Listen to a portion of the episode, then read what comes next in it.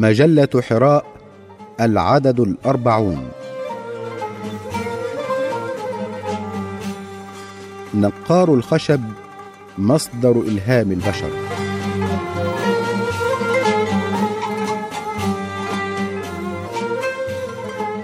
لماذا ينقر نقار الخشب الأشجار؟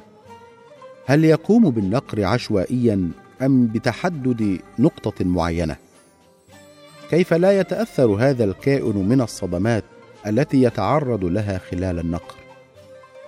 يتغذى نقار الخشب بالحشرات والديدان المختبئة في جذوع الأشجار. ولكن العجيب أنه يحدد موقع الحشرة داخل الجذع دون أن يراها بعينه ثم يقوم بحفر فجوة تنتهي إلى موقع الحشرة مباشرة. طبعا يستعمل منقاره الإزميلي الحاد في هذه العملية وعندما يصل إلى غرضه يطلق لسانه اللزج ويلتقط الحشرة ثم ينزلها إلى معدته بهناء.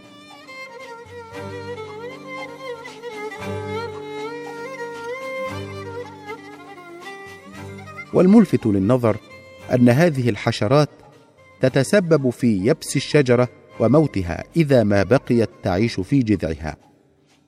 منح نقار الخشب قدرة خارقة في عملية النقر وسرعته حيث تصل عدد نقراته في الثانية الواحدة إلى عشر نقرات وتصل سرعة النقرة الواحدة إلى أربعين كيلو مترا في الساعة. ولكن كيف لا يتأثر هذا الكائن من صدمات النقر هذه؟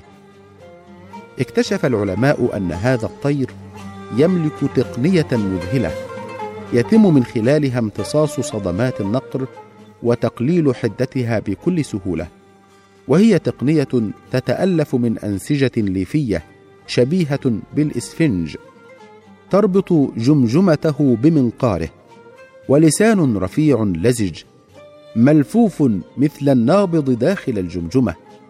فبهذه التقنية تنخفض الصدمات وتتلاشى وتغيب دون أي تأثير سلبي. إنها تقنية تذكرنا بالنوابض الحلزونية التي تمتص الصدمات الناتجة عن عدم استواء الطريق في السيارات التي يركبها الإنسان. هذا وإن آلة كسر الصخور أو مطرقة الخرسانة الهوائية التي يعمل بها الإنسان أثناء تعبيد الطرق وتطوير الشوارع اخترعت استلهاما من هذا الكائن الصغير. ما رأيك؟